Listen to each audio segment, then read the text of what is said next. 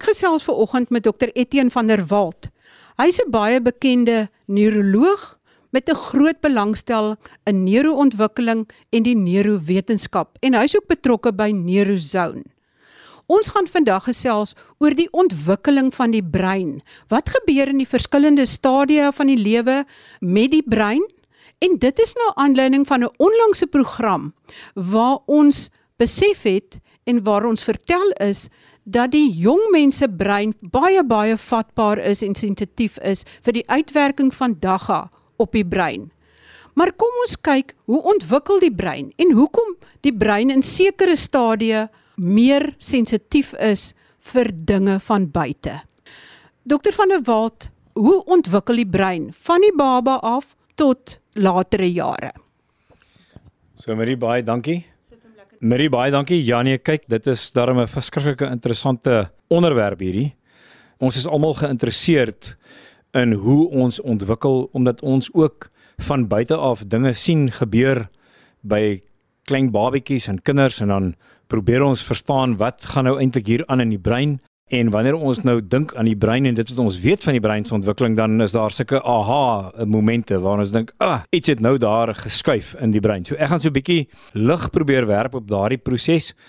As 'n mens dink oor breinontwikkeling, dan is daar 'n paar belangrike temas. Mense moet miskien net eers weet waaruit bestaan die brein, dan help dit ook vir jou om te verstaan hoe die brein ontwikkel. So die eerste ding is die brein bestaan uit selle, net soos enige ander orgaan. En onthou die brein en die spinaalkoord is maar een struktuur eintlik. Jy kan eintlik maar so praat van die hele stelsel selfs die senuwees wat loop tot op ons vel en van ons vel af terug na die brein is ook maar een stelsel.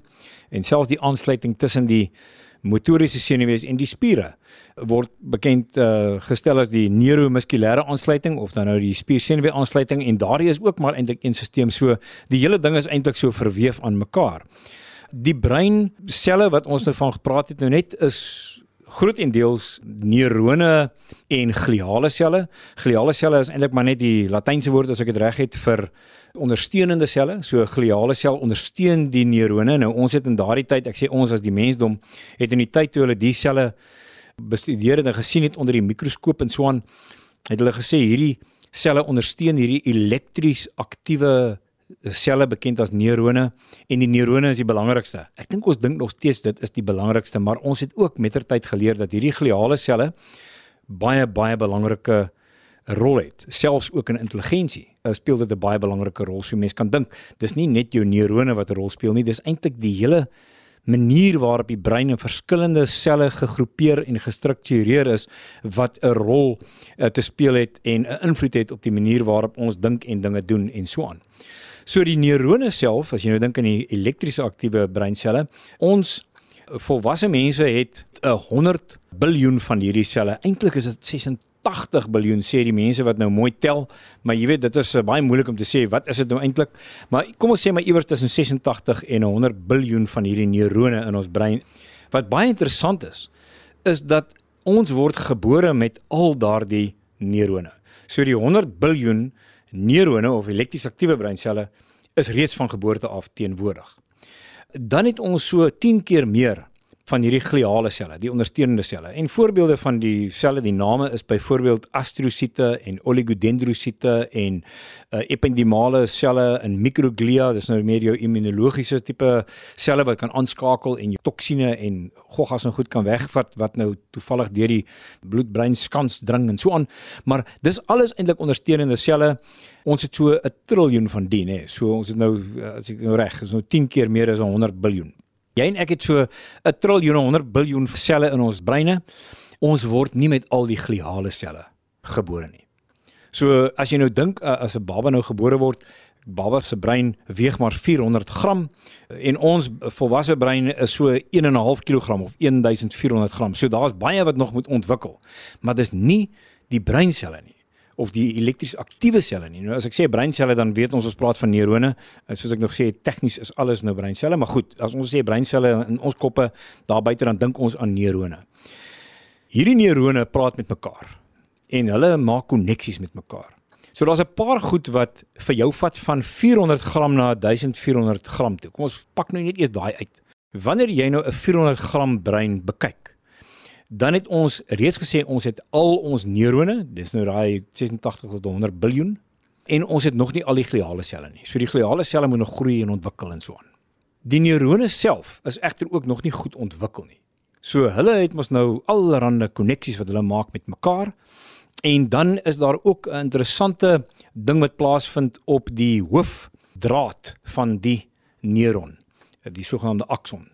Hulle word gemyeliniseer. So hulle kry nou hierdie insulasie materiaal rondom hulle wat lyk soos party sê weense worsies. Ek dink dit is so 'n bietjie soos 'n wat is die goeie Afrikaans vir 'n Swiss rol Maar as jy nou dink aan daai laagie koek wat so in die ronde om die draad draai as jy so deur hom sny, dis nou wat die mielin doen. Hy insuleer hierdie draad en verseker dat jy baie vinniger geleiding deur daardie draad het. En daardie mielin word verskaf deur een van die gliale selle. Dis nou oligodendrosit. Maar dit is 'n bietjie tegnies. Kom ons gaan gou terug. Die breinsel, die neuron het dus met geboorte baie min koneksies en nie van daai mielin eintlik in nie. So baie min daarvan.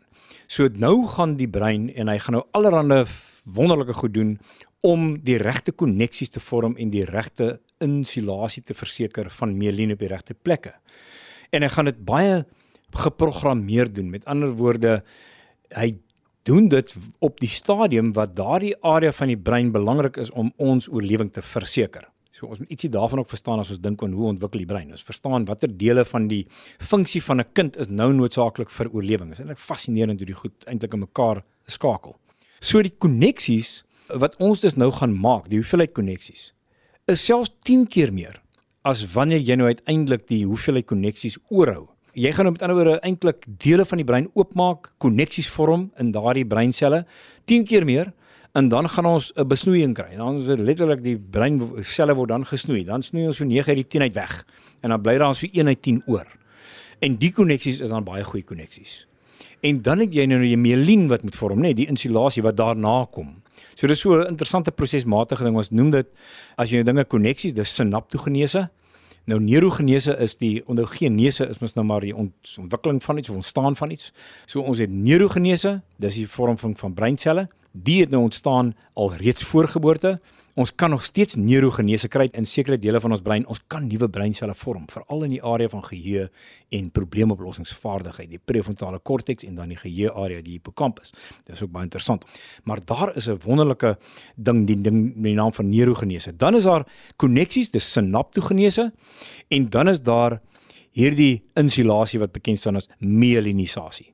So dis die drie goed wat 'n mens aan moet dink as jy dink aan, aan die ontwikkeling van die brein, eintlik voorgeboorte vanaf konsepsie. Ek gaan nou terug gaan na konsepsie toe. Ek wil net genoeg hier by geboorte bly. As die kind nou gebore is, is die eerste belangrike ding wat 'n kind nodig het om in die lewe te bly, is om die persoon wat daardie kind kos gee en veilige vesting gee, kos en water en veilige vesting gee, te herken.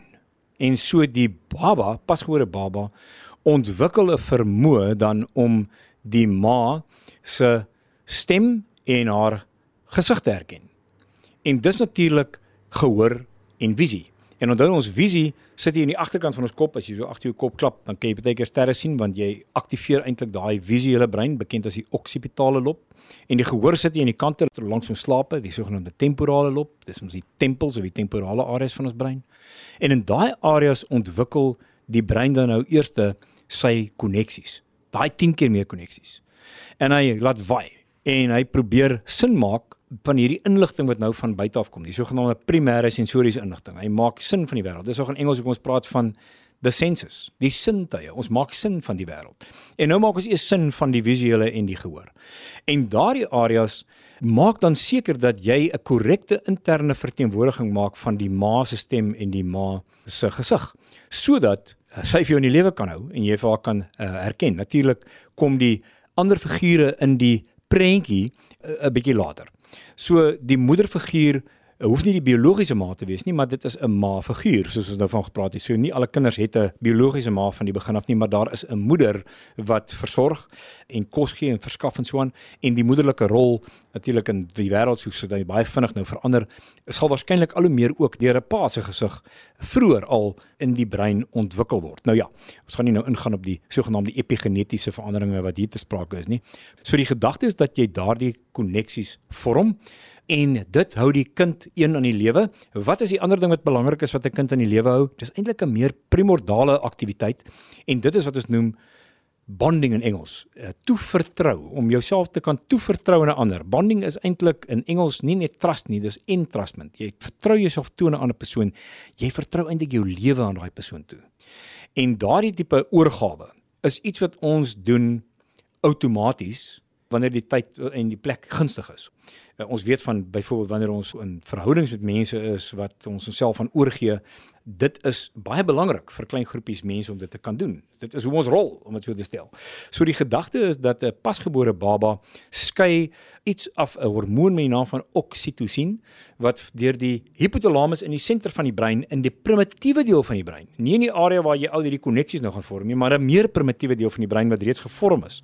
Hulle skei dit nou af daar deur die hypothalamus dryf dit deur die pituitêre klier en daar kry jy die oksitosien wat afgeskei word wat dan vir 'n baba in staat stel om oor te gee aan die ma. Maar die ma doen dieselfde. Baie interessant. En sy doen dit met die tas en die met die vat van die baba natuurlik aan die vel van die ma. So wanneer die baba aan die ma vat en lê op die ma op die maagie of op die bors, dan gebeur die oksitosien vrystelling en natuurlik het dit 'n heel klomp ander waardevolle effekte. Dit red eintlik jou lewe. Dit hou jou aan die lewe dit maak dat die uterus in die ma byvoorbeeld krimp. Baie vinnig krimp om al daai groot bloedvate toe te maak en dan stoot dit die plasenta die tweede geboorte uit. So dis 'n wonderlike manier hoe jy eintlik die ma in die lewe hou en die kind bly in die lewe deur die kind natuurlik nou ook eh, hom of haarself toe vertrou in die ma. Nou het jy 'n paar ander goed nodig. Jy moet nou kan drink. Nou dit is ook nie iets wat ons ontwikkel in die brein om so te stel met die 10 keer meer breinselle en so voort. Nee nee nee, dit is ook nog steeds 'n baie meer primitiewe proses. Die primitiewe proses wat daar ter sprake is, is 'n suigrefleks. So die babatjie kan suig. En wanneer die baba se mondjie aan die tepel kom, dan suig die baba.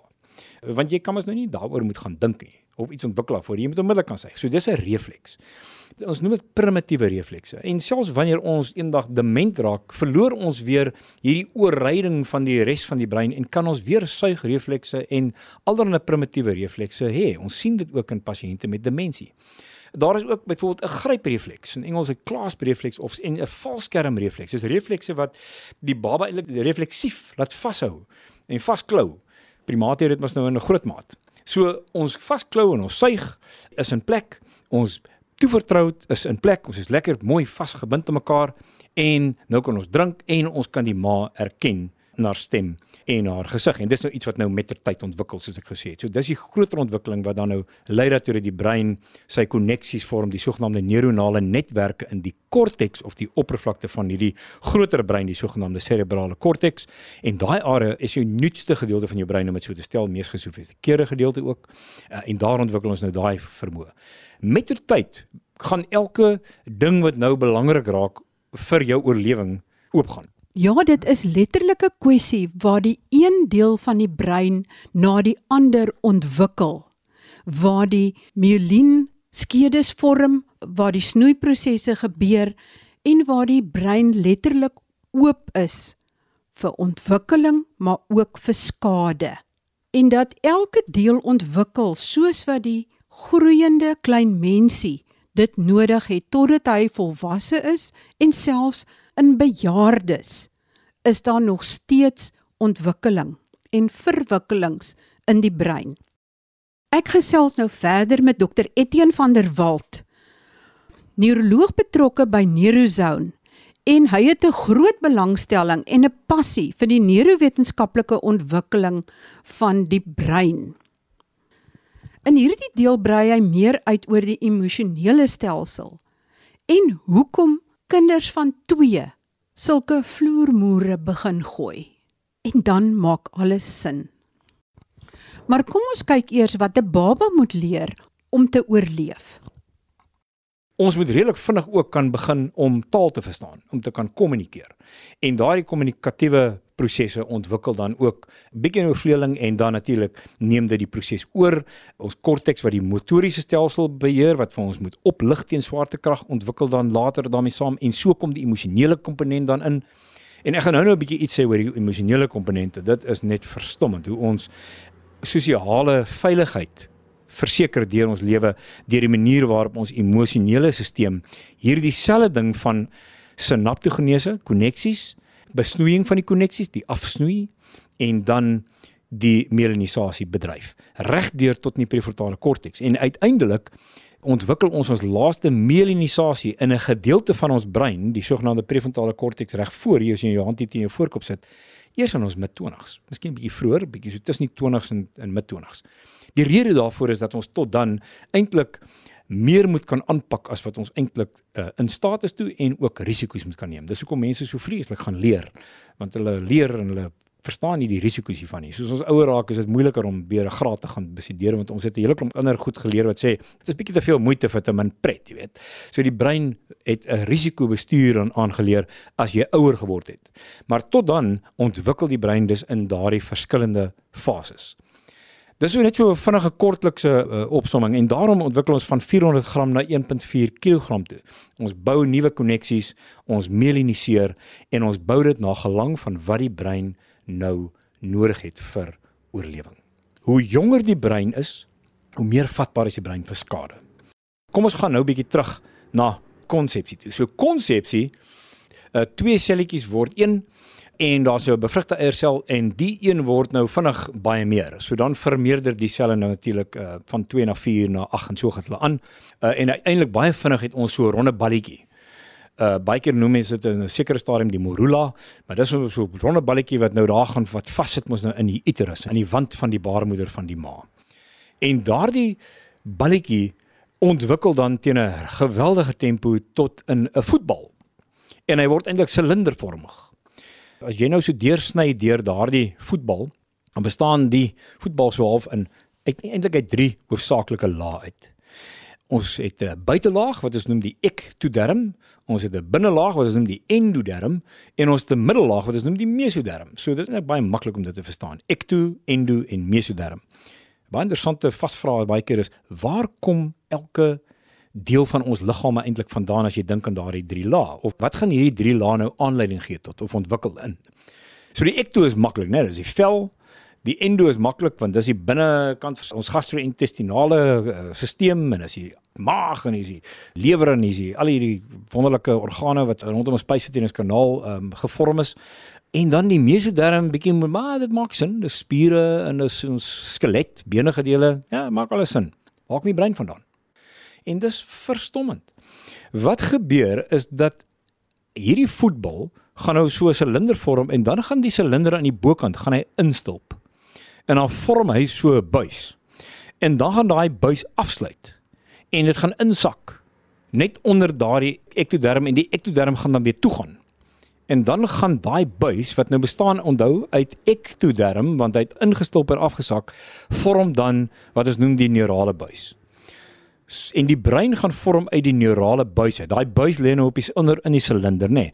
Nou gaan jy in die bokant van daai buis, gaan jy baie vinnige ontwikkeling kry van selletjies. En die ding maak amper soos daai ballonne wat jy so draai en draai en draai. Hy maak so draai en hy groei en hy so vorm dit die brein. So jy die brein en jy die res van daai buis vorm die spinalkoord. En daai groei jou senuwees.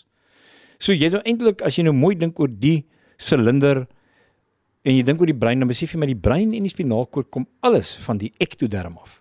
So die vel en die brein en die spinalkoord deel die ektoderm. En ons sien byvoorbeeld baie uh, gelukkig nie gereeld nie, maar ons sien wel siektes waar daar kongenitale kondisies wat mense mee gebore word, kan ons sien dat daar 'n kombinasies is van 'n brein en 'n velsiekte, sogenaamde neurofakomatosis. En dit is die kondisies wat vir jou eintlik uit so Sturge-Weber sindroom is 'n voorbeeld. Neurofibromatose en so aan. Jy het kondisies wat in die vel en in die brein voorkom omdat dit die selle kiemselle in dieselfde laag in daardie balletjie of daai silindervormige voetbal deel. Goed, nou terug by hierdie ontwikkeling. Die neuraal buis is volledig ontwikkel 4 weke na konsepsie. So, vir die van julle wat dink dat julle lekker veilig is met daai alkohol, as jy die swangerskap optel, dis hom gewoonlik meer as 4 weke en dan stop jy die alkohol, maar dan is dit al bietjie laat. So mense maar weet as jy nou swangerskap beplan dat jy maar versigtig moet wees daarmee. As jy swangerskap beplan, bly maar weg van die alkohol, moenie eers die alkohol wegvat die dag as jy hoor jy swanger nie. 4 weke is daai buis volledig ontwikkel.